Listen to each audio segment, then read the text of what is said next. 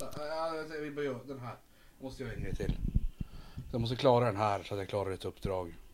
Men vi skulle egentligen kunna börja. Alltså då.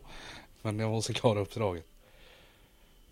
Helvete. Nu får jag inte... Fan Max. Men jag får inte använda min bästa karaktär i det här uppdraget. För att det sög ju. Kan vi inte bara dra igång nu? Ja, vi kör.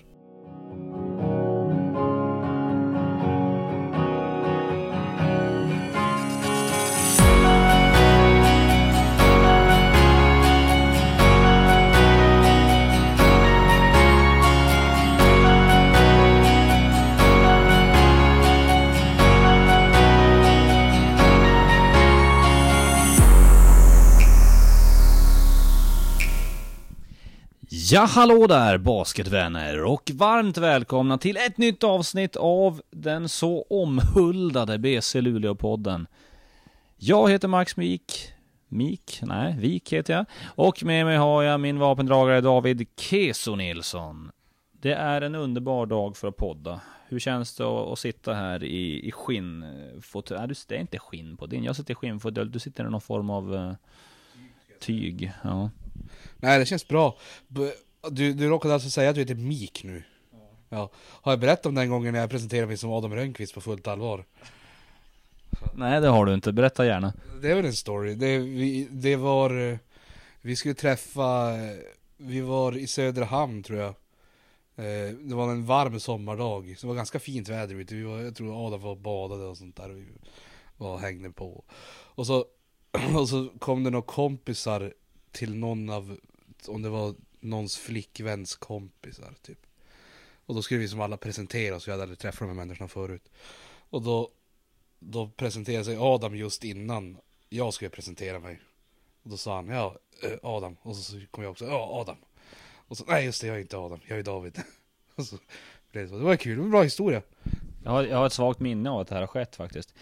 Eh, idag är det bara du och jag David. Eh, det är helt enkelt för att vi har gått igenom hela laget. Vi har gått igenom alla spelare, alla tränare. Eh, Eduardo Carasana, vår, vår kära teammanager, han vill inte vara med i podden. Han ska vara med på, i något sammanhang. Ska han, med. han ska in i, i, i tv-programmet eller någonting. Jag ska fan mig få med honom. Vi får se hur det blir. Eh, Lasse Mosesson har varit med i podden. Vi har tagit allsköns löst folk. Eh, har jag haft med. Eh, och eh, jag tror att det kommer gå längre mellan gästavsnitten nu. Och det får vi väl se vad folk tycker om. Vad tror du David? Ja, jag vet inte, det, jag har ju tyckt att det har varit trevligt, även om jag kanske inte alltid har varit så delaktig. Men ja, vi, vi får väl se vad det blir för dragningskraft på de här. Det, vi har ju inga namn på samma sätt som, som Zara Brandon Rosell och Jannik Hanseloni och de där, så det får vi. Eller är vi det? Jag tror att de lärde tvista där. Vi får se, jag känner mig i alla fall sjukt laddad för podd idag och vi har ett eh, fullspäckat schema med grejer vi ska prata om. Vi gör väl som vi, som vi gjorde förr i tiden och drar en liten löpsedel om vad vi ska prata om. Eh, vi ska prata slutspel såklart, Umeå, Södertälje. Den kvartsfinalen pågår ju just nu. 1-0 till Södertälje efter första och ikväll avgörs det. Kanske.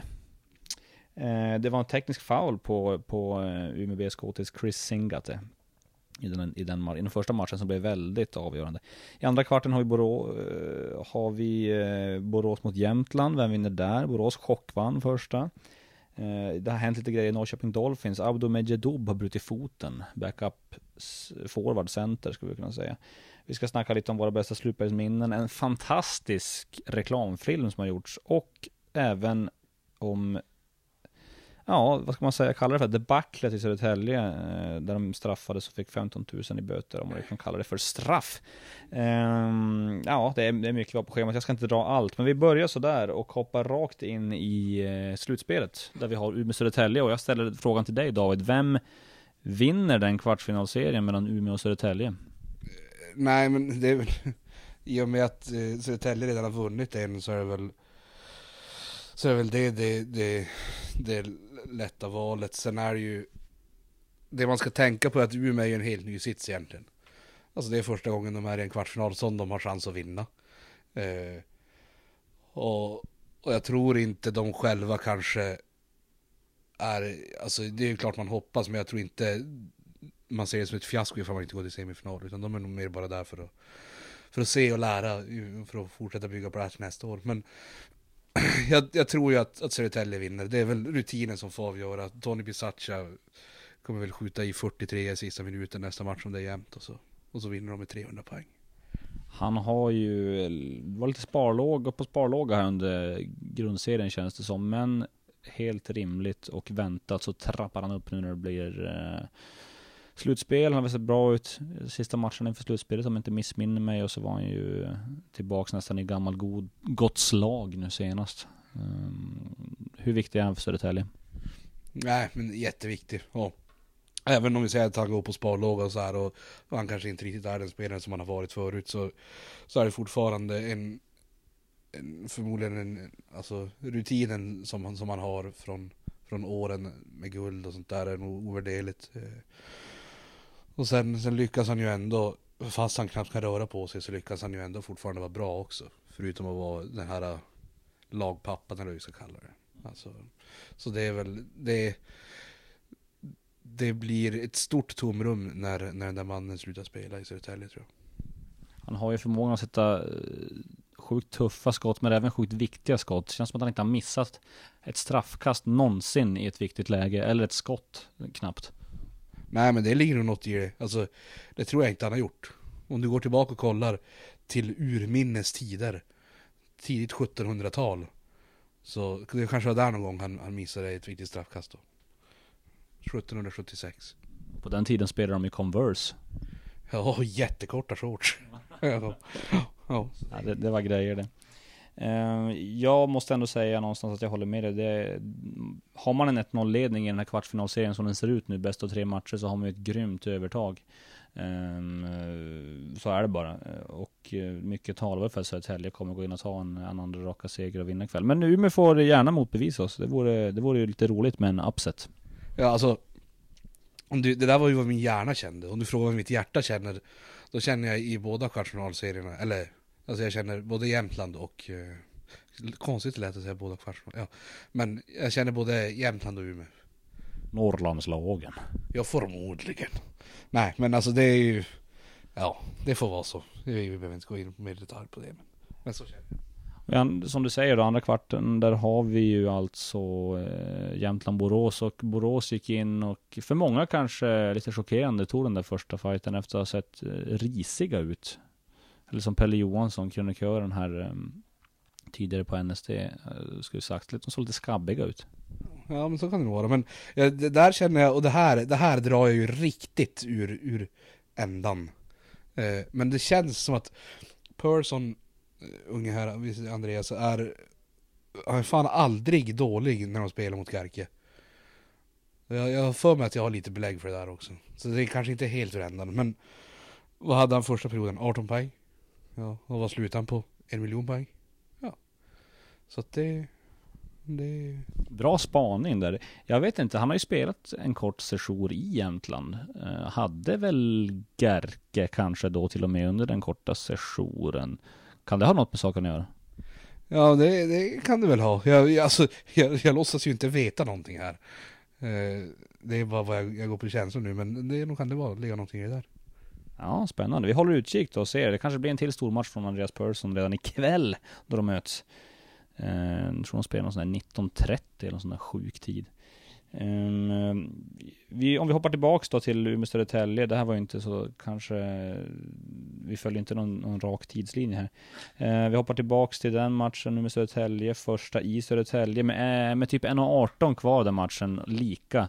Då, får, då tar domarna en ganska sen foulavblåsning, just den har jag väl inga kommentarer om. Men sen, eh, efter lite gestikulerande så får, tror jag, Chris Singate Eh, sträcker ut med armarna, får en teknisk foul, 1-18, lika fjärde perioden. Vad, vad säger du om att ta en teknisk foul i ett sånt läge? Alltså jag ska här också villigt erkänna att jag inte riktigt sett, jag har inte sett själva tekniska foulen. men, men som den är beskriven, så just att det är en sen avblåsning och, och vad jag har förstått så är inte reaktionen så här otroligt våldsam. Alltså det är ingen kontakt, alltså kroppskontakt med domare och sådana grejer. Då tycker jag man måste fan ha känsla och släppa sånt där. Alltså det, alla som har dömt vet ju att om jag, om jag dömer en sen avblåsning så vet jag själv att jag har gjort det. Jag har ju koll på det. Och och där måste jag någonstans vara så pass ödmjuk att jag kan säga, men jag fuckade upp, jag blåser sent. Men skrik inte på mig, men, men mitt första svar kan inte vara blåsa teknisk. Tycker jag i alla fall. Alltså, men det är mycket så här, jag tycker, nu, nu har ju jag, jag tycker att jag brukar ha ganska bra relationer med domare när, när jag eh, coachar. Ehm, men, men det är just det här att kunna kommunicera och inte alltid bara hoppa till och... Det ska inte vara så svårt att prata med varandra alltid. Det, det är det som är problemet i världen i helhet, då behöver vi inte ha det i baskethallar också. Fan vad bra, de blev lite politiska här också. Går in på stora samhällsfrågor. Uh, nej men jag vet inte vad som hände innan det där. Det kanske har Chris Singate gått runt och, och, klappat domarna på rumpan varje gång han gjort poäng och haft någon psykkrig hela matchen som inte vi har noterat. Det vet jag inte. Men eh, men lik förbannat så är det ju ett känsligt läge att ta den där i. Det får man ju säga och det, det kan komma att eh, ha, avgöra hela kvartsfinalserien, skulle jag vilja dra till med. Ja men alltså det blir ju så. I, i, en, i en kvartsfinal där det är till tre, så blir ju, alltså det är ju en jävla floskel, men första matchen blir ju svinviktig. Alltså, det, det är ju bara så. Det är enkel matte. Uh, quick maths. 2 plus 2 är 4, minus 1 är 3. Ja, det stämmer. Eh, och, ja. Det är lite så. Alltså då, då blir det ju avgörande för serien. Då. Och inne i, eh, där vi har eh, Borås, Jämtland och helt enkelt. Då, eh, då är du inne på att det blir Borås som tar den. Ja, det måste man väl ändå vara. Alltså, det blir spännande att se hur, hur Jämtland svarar på, på matchen senast. Eh, men alltså Borås, jag, hade jag känt att redan inför serien att, att Jämtland är alltså längder bättre, nivåer bättre, då hade man fortfarande tyckt att de kan ta två i rad. Men när det är inför en, en kvartsfinalserie känns ändå nästan hugget som stucket. Eh, och så svarar man med att torska med, vad blev det? Det blev det är över 20. Då, det, det inger inte trygghet direkt. Det kan jag inte påstå. Nej, eh, spelmässigt då, vad tycker du talar för Borås, vad talar för Jämtland, hur känner du där? Nej, ja, alltså de, de har väl historiskt är väl, är väl det två snabbspelande lag så, men jag tycker väl inte att det är någonting som direkt sticker ut åt åt någonting. Det är, alltså Jämtland har ju Tony Prostran, med tillskottet av Tony Prostran så han är väl inte känd för att, för att lyfta sig i slutspel om jag inte är helt fel ute. Eller? Och det är väl kanske historien som upprepar sig där lite grann. Och då, jag menar har, har man en spelare som Tony Prostram så, så måste mycket gå igenom honom. Och, och ger det inte jättemycket resultat då, då blir det svårspelat. Så, nej. Ja, vi får se hur det går ikväll helt enkelt. Eh, I Norrköping Dolphins, där har vi eh, braskande nyheter som kom ut idag. De gick ut med själva klubben att Abdo Medjedoub, backup forward center, vad vi nu ska kalla honom, Kjellboms backup kanske i alla fall, har brutit foten och missar resten av säsongen. Ett ganska tungt avbräck, eh, tycker jag. Nu är ju inte han en, han är inte en startfemspelare, han är inte topp 6, kanske inte ens topp 7 möjligen, kanske en 8, 8-7, ja, möjligen 8 i rotationen någonstans. Eh, men jag tror ändå det här kan ha ganska stor eh, inverkan på eh, Norrköping som de ser ut med tanke på att Kjellbom Visst, han, är, han, han tycks ha druckit ur ungdomens källa men han är ändå typ 38 bast och kanske inte kan spela 40 minuter utan att få fem fouls. Eh, jag vet inte, vad känner du? Nej, men det blir ju jättekännbart. Det, väl, det, det här blir väl lite charmen i basket tycker jag. Alltså när, när det handlar om ändå så pass relativt få spelare som det gör. Alltså i ett hockeylag ifall spelaren lika djupt ner i, i rotationen i ett hockeylag blir skadad gör det kanske inte alls så stor skillnad. Men, men här, om du kollar statistiskt så är det ju inte, det är inga 20 poäng och 10 returer som försvinner.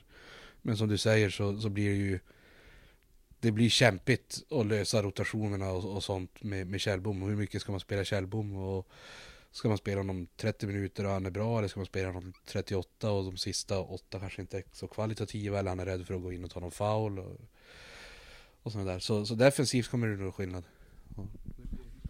Och sen tidigare har de ju dessutom en, eh, vad jag tror är en knäskada på Jonathan Duba. Out for season tror jag de har sagt tidigare. Men är han det? Jag vet inte. Han hänger ju kvar runt laget. Så de där gubbarna brukar ju få åka hem när de skadar sig mitt under säsongen. Och jag vet inte. Kan det vara ett lurendrejeri de har på gång här?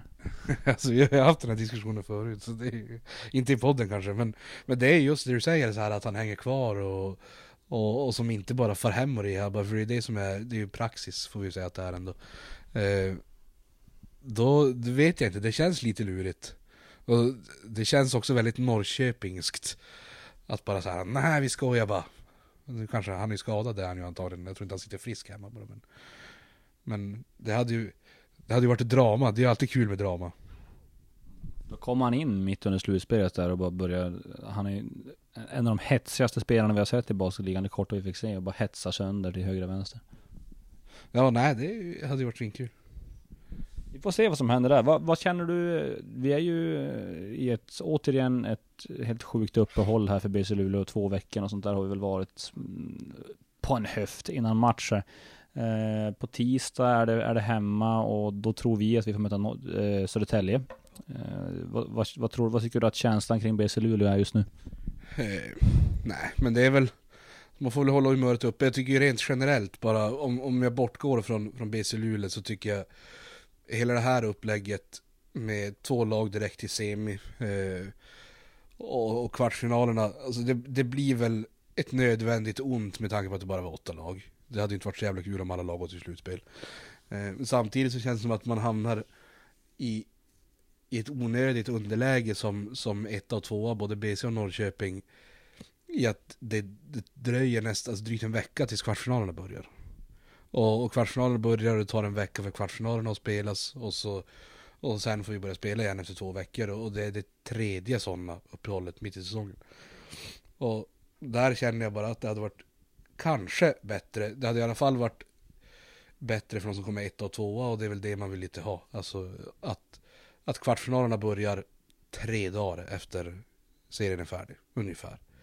Och, och direkt bränns av och spelas varannan dag. Eh, och då kanske vi är så att vi har en veckas uppehåll mellan, semi, mellan, mellan slut och, och semi istället för två. Eh, och det blir lite svårare att anpassa sig i kvartsfinalerna och det blir lite mer slit på, på de lagen som, som behöver spela kvartsfinaler som inte har lyckats ta etta, första eller andra platsen och, och det blir väl mer rättvist på, på den vägen hade jag känt.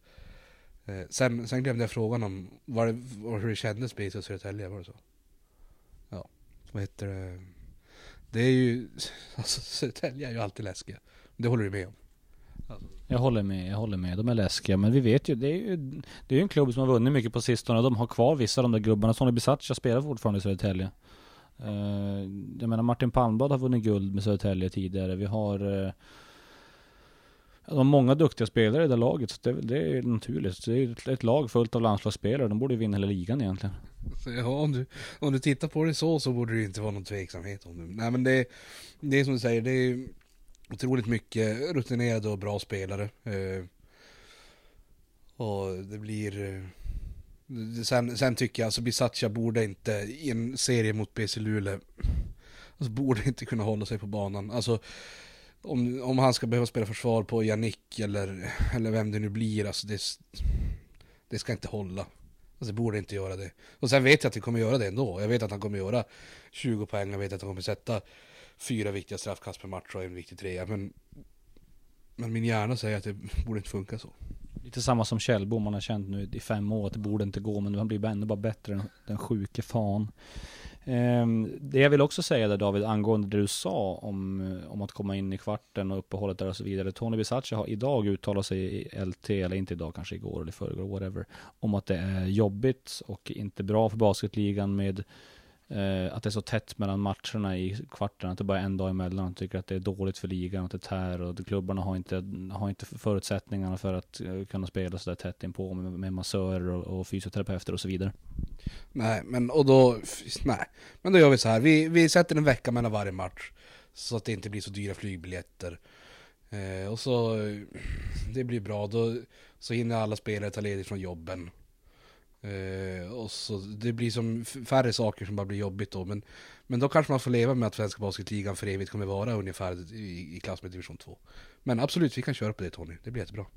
Vi kanske skulle kunna ha ett litet minisammandrag där vi spelar alla matcher i Södertälje, alltså i, i Täljehallen. Så har man tre minisammandrag per säsong och så spelar man där bara. Ja, ekonomiskt jättebra.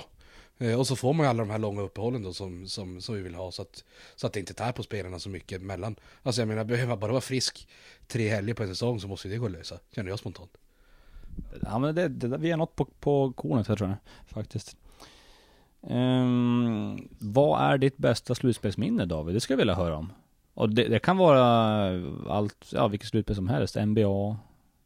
Det kan vara basketligan, det kan vara ja, allsköns slutspel som du har varit med om. Eh, i din, inom dina år som, som basketintresserad och aktiv inom sporten. Oj. Den var svinsvår. Jättesvår. Alltså det var... Man har ju jättemycket, alltså det här... Jag var ju inte hyperbasketintresserad på Plannjas storhetstid. Det, det ska jag inte hymla med. Det har ju kommit ganska sent egentligen för mig.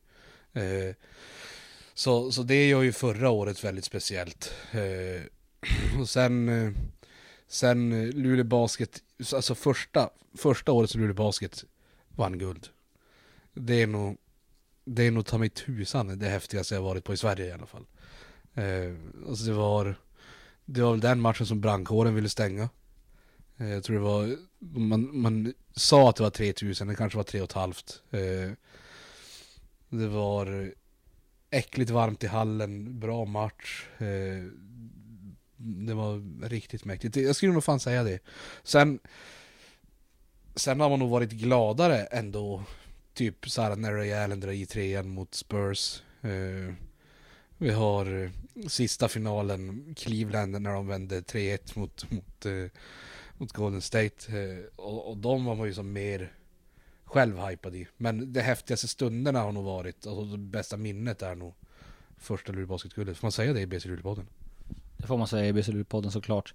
Ehm, du ställer inte frågan till mig, men jag tänker svara på den ändå. Ehm, och eh, för mig så är det två grejer som sticker ut tror jag väl ändå. Och det första är såklart, jag var på plats i Coop Arena. Första finalmatchen var det väl, typ 03-04 någonstans där, när Donald Williams spelade i, Plannja Basket. Mötte Norrköping. Ehm, vi pratade om det här i Håkan Larsson-podden tror jag om jag inte missminner mig. Um, och, och Donald Williams eh, tar en defensiv retur med typ två sekunder på klockan, skickar den från egen plan halva. En sekund kvar på klockan, det är lika. Och den går i och, och liksom, eh, ja, de vinner första finalen. Det är ju ett, det är ett helt sjukt minne faktiskt från en, från en final. Alltså något sånt där händer i en final, det är ju fan otänkbart. Um, annars är det nog när Plannja vann guld säsongen 05-06 i Pontus, vann hemma, på hemmaplan.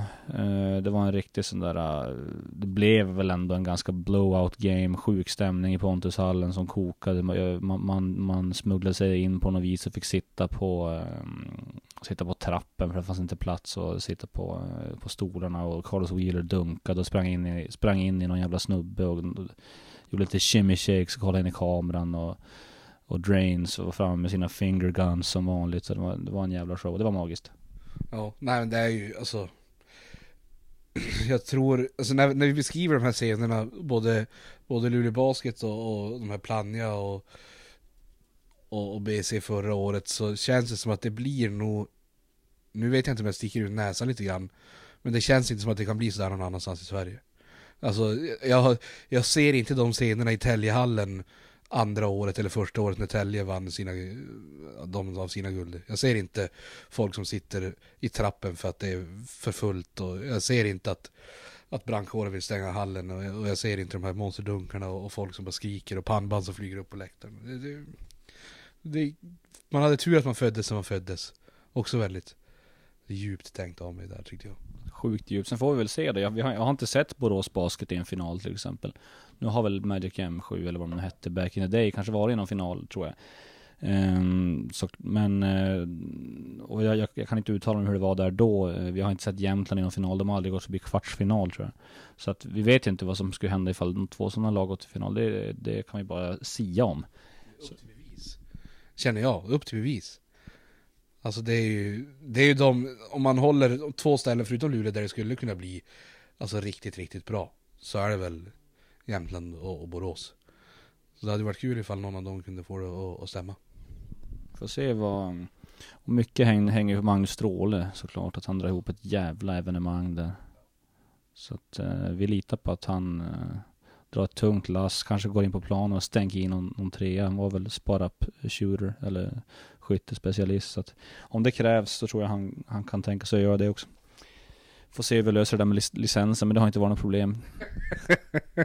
Nej det är bara att slänga in honom. Så det brukar jag säga efterhand. Vad är det? Det är väl, det är ju prejudicerat nu. Det är väl lite drygt 2000 kronor i böter på match för att spela med någon som är olicensierad. Så det är bara att göra lite hur man vill med det där. Ja, vi får se. En liten, en liten passning. Ehm, jag vill prata om en reklamfilm som, eh, eller reklamfilm, jag vet inte vad vi ska kalla det. Det är ju inte en reklamfilm egentligen. Utan det är en liten, eh, hopkok, eh, filmat med mobilkamera för Luleå Miljöresurs, Lumire, som vi jobbar tillsammans med. Vi har installerat lite sopkärl, eller sorteringskärl i hallen, ett gäng. Och, och det har gjorts reklamer för den. Och, och vi har gjort en egen video där. Um, ja, hur ska man beskriva? Jag kan ta och beskriva den faktiskt. Denzel Andersson kommer in i omklädningsrummet. Klassisk Mario-musik går igång. Super Mario, vi snackar tidigt eh, Super Mario, alltså kanske första, andra spelet. Han dansar in, hittar ett skräp på golvet. Blir lite förvånad, plockar upp den, kastar den. Eh, bara kastar den bakom, alltså bakom huvudet. Daniel Hansson fångar den utanför arenan. Oj! Jävla kast! Det är ett jävla kast det. Ja. Ja, han fångar den på, på alley-oop, bakom ryggen passning. Till Jonte Arvidsson som... Här vill jag också säga, man ser ju att den... Inget ont nu om Daniel Hansson. Men det bakom ryggen passet var fan inte bra alltså. Det såg riktigt riktigt ut. Det kanske inte är hans eh, game riktigt att gå, kasta bakom ryggen passningar. Han skulle ha fångat den i hörnet eh, vid trepoängslinjen och bara skjutit den bara. Och så sen hade den dykt in i omklädningsrummet.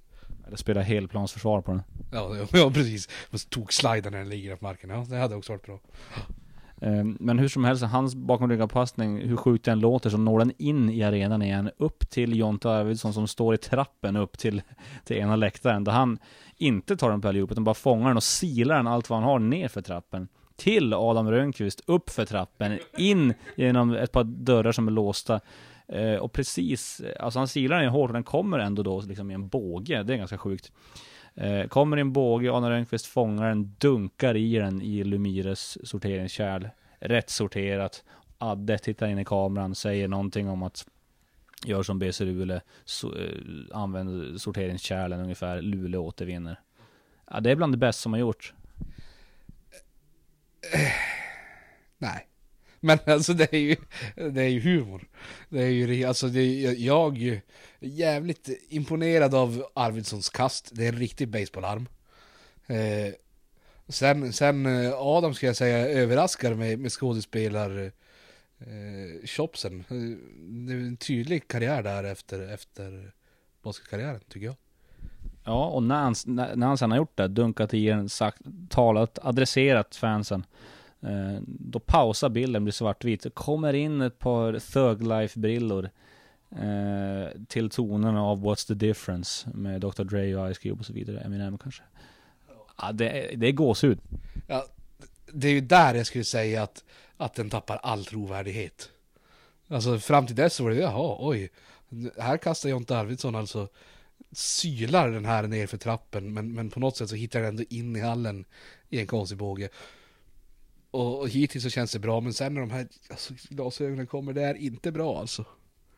Det är riktigt tungt.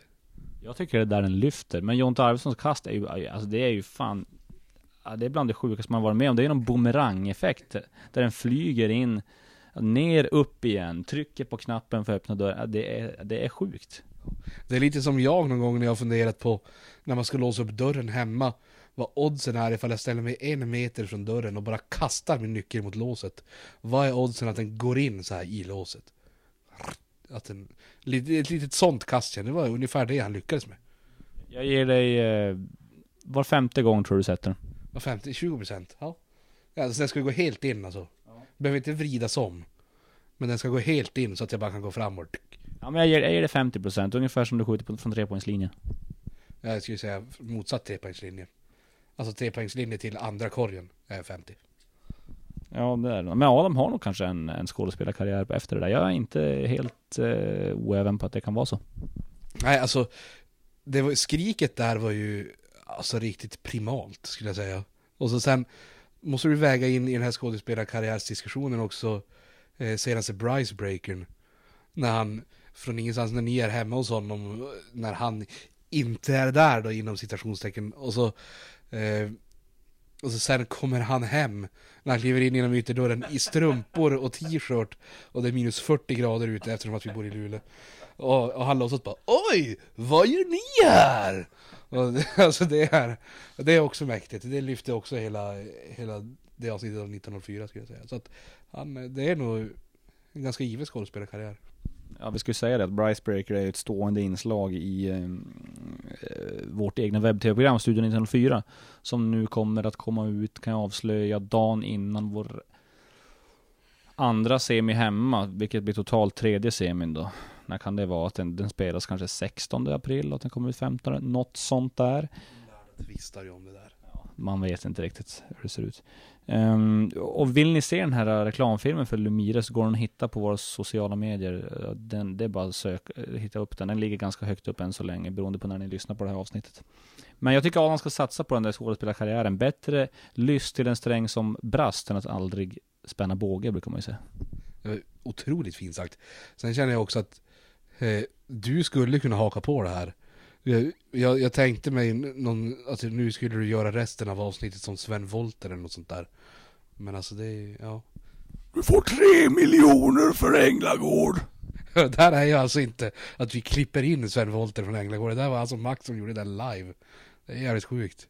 Ja, Det, det, man, jag, jag får gåshud på mig, alltså av mig själv, på mig själv. Um, nu ska vi faktiskt testa någonting helt nytt som aldrig har test, testats i BC Luleå-poddens historia tidigare. Jag hoppas till att vi uh, har lyckats få någon liten vignett till det här uh, stående inslaget som det ska bli då framöver, hoppas vi, om det uppskattas. Som vi kallar för Kesos kanoner. Okej, så- Jaha, okej. Men jag känner spontant att du skulle kunna göra en vignett med munnen nu. Eh, och är det så att vi inte har fixat en vignett så använder du den du gjorde med munnen. Har vi fixat en vignett, då får du klippa bort. Eh, och det går ut på att jag ger ett gäng hot takes. Alltså, eh, ja, vad ska vi kalla det? Kontroversiella åsikter kanske jag kan kalla det för. Och så får du bara eh, kommentera dem helt enkelt. Kesos kanoner du.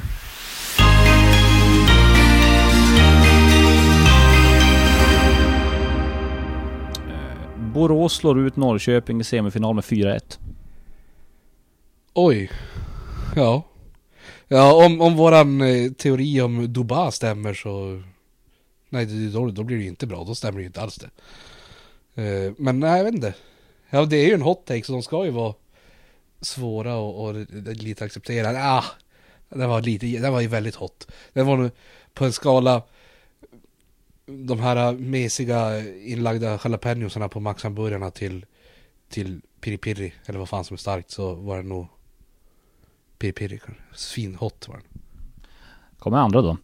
Södertälje Kings hade bara tur när de vann fyra SM-guld i rad.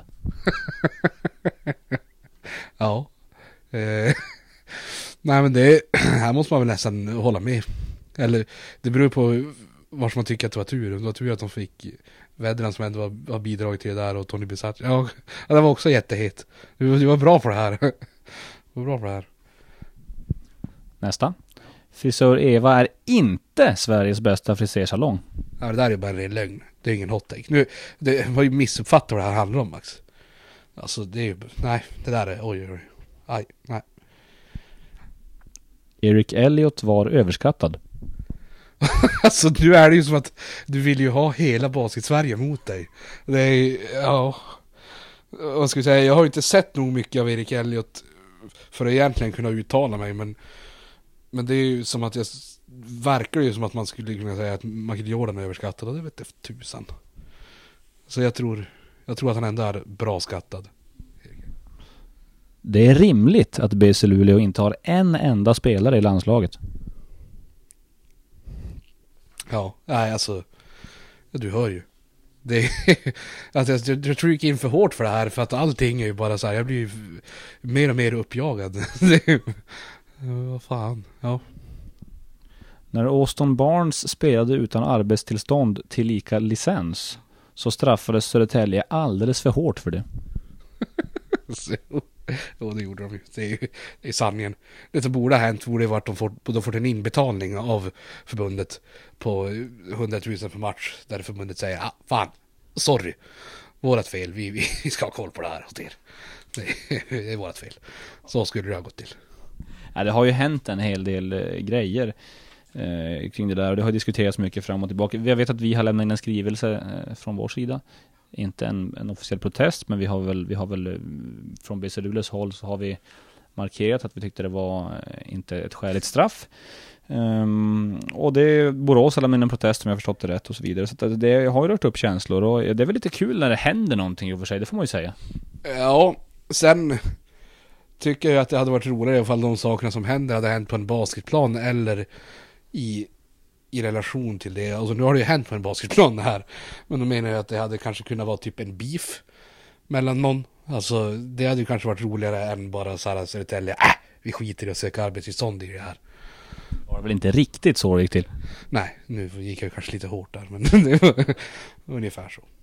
Ja, alltså då, det, det är klart det är kul att det händer någonting, men samtidigt så det här, då, då, då står jag fast vid att jag hellre hade haft eh, en beef mellan någon, någon uttalar sig att någon är trög och så kanske det får lite Aftonbladet på rubri, eh, rubriker på Aftonbladet, inte Aftonbladet på rubriker. Det var jättedumt att säga så. Nej.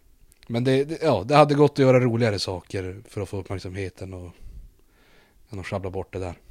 Och det har ju gjorts fler saker för att få uppmärksamhet. Kanske inte medvetet, kanske in the heat of the moment. Vi vet inte riktigt vad det var för någonting.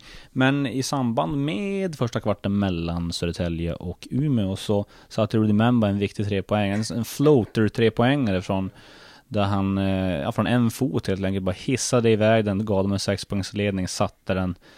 Timeout togs tror jag, nu drar ju arslet. Han gick fram mot sin egen bänk och gjorde en rörelse som kan tolkas som någon form av... Eh, ja, vi ska, dina ord nu Max, använd rätt ord. ja, jag vet inte hur vi ska, hur vi ska uttrycka oss. en obscen gest i alla fall. Det var en obscen gest. Om har ni inte sett den så kan ni gå in och kolla på, ja, det finns säkert på highlightsen från, från matchen. Eller Nikica Rajacic tweetade ut den, nu vet jag inte om vi vill skicka klick till honom. Men, men det, han tweetade ut den i alla fall. Så ni kan, ni kan söka i Nick Rajacic, heter han väl på Twitter. Kolla i hans eh, Twitterflöde så hittar ni den där. Så kan ni bilda er egen uppfattning. Men, men det är någonting att diskutera i alla fall. Ja, alltså, ja. Det där var inte supersmidigt. Eh, det är en sån där grej i NBA är väl ganska direkt, ganska dryga böter. Eh, det blir spännande att se ifall Svenska Basketbollförbundet väljer att sätta ner foten. Alltså för det, det kan ju verka harmlöst. Men samtidigt så, alltså Släpper man en sån där, det blir en hal hela backen när man börjar släppa sådana där grejer. Eh, Nu står alltså Eduardo Carazana utanför eh, vårt lilla poddrum här och eh, gör- ja, han spexar kan vi säga. Ja, ja, han är ju en, en härlig prick. En härlig prick. Nej, men tillbaka till, till Rudy Member här. Det är som...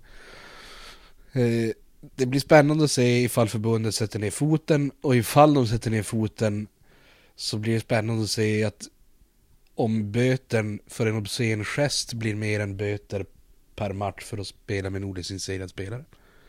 Det blir spännande. Vi ser vad som händer, det blir kul. Eh, vet du vad? Ja, det vet du. Ja, det vet jag fan. Det vet du, för eh, det är nämligen så att Det vet du bandet kommer till Luleå den 20 april tror jag. Ska spela på O'Learys, nattklubben i stan. Är ju en sportbar. Um, det här är inte, vi, vi gör inte på något sätt reklam för det här nu, men de kommer och det är ju faktiskt så att 22 april spelar vi med största sannolikhet en eh, semifinal på hemmaplan. Om inte vi har torskat eller vunnit med 4-0 eller 0-4 i matcher. Och det tror jag ju inte ska hända faktiskt. Eh, Inget av dem. Så då har vi den här match 22 april klockan 17.00 i Luleå Energi Arena. Och vore det inte magiskt om det vet du kom dit?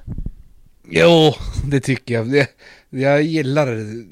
Utan att bli någon fanboy så, så är de ju jävligt härliga. De där. Det är ju... Jag har ganska nyligen börjat följa allihopa på sociala medier. Det är förgyller ens vardag skulle jag Basketambassadörer. Ja, ab- absolut. Jag är Jävligt nöjd att ha dem som basketambassadörer. Alltså, det går ju att få jävligt mycket sämre ambassadörer än de där i alla fall. Spexiga killar. De har gjort en låt om Dan- Danilo Gallinari. Som eh, har fått genomslag eh, lite överallt. Men den går man runt och nynnar på ungefär 24-7. Alltså, det är nog fan den mest nynnvänliga låten i hela världen. Och så kan man ju hela låten utan till ifall man kan fyra ord också. Och, och på ett bra sätt. Där tycker jag ju på något sätt så, så här Black Eyed Peas, den här I got a feeling, du vet den låten. Det är ju kanske det värsta som har gjorts i hela världen.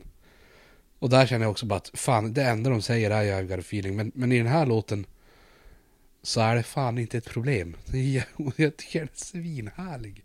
Den är härlig. Jag ser framför mig hur de kommer in på matchen. Vi fick lite courtside ticks till matchen. De kommer in i halvtid, så dansar de in i mittcirkeln, tar mikrofonen, sjunger Danilo Gallinari-låten fast byter ut Danilo Gallinari till Eduardo Carasana och så vidare. Ja, Jag ser det framför mig och nu står han och tittar på oss helt ovetande som att vi pratar om det här.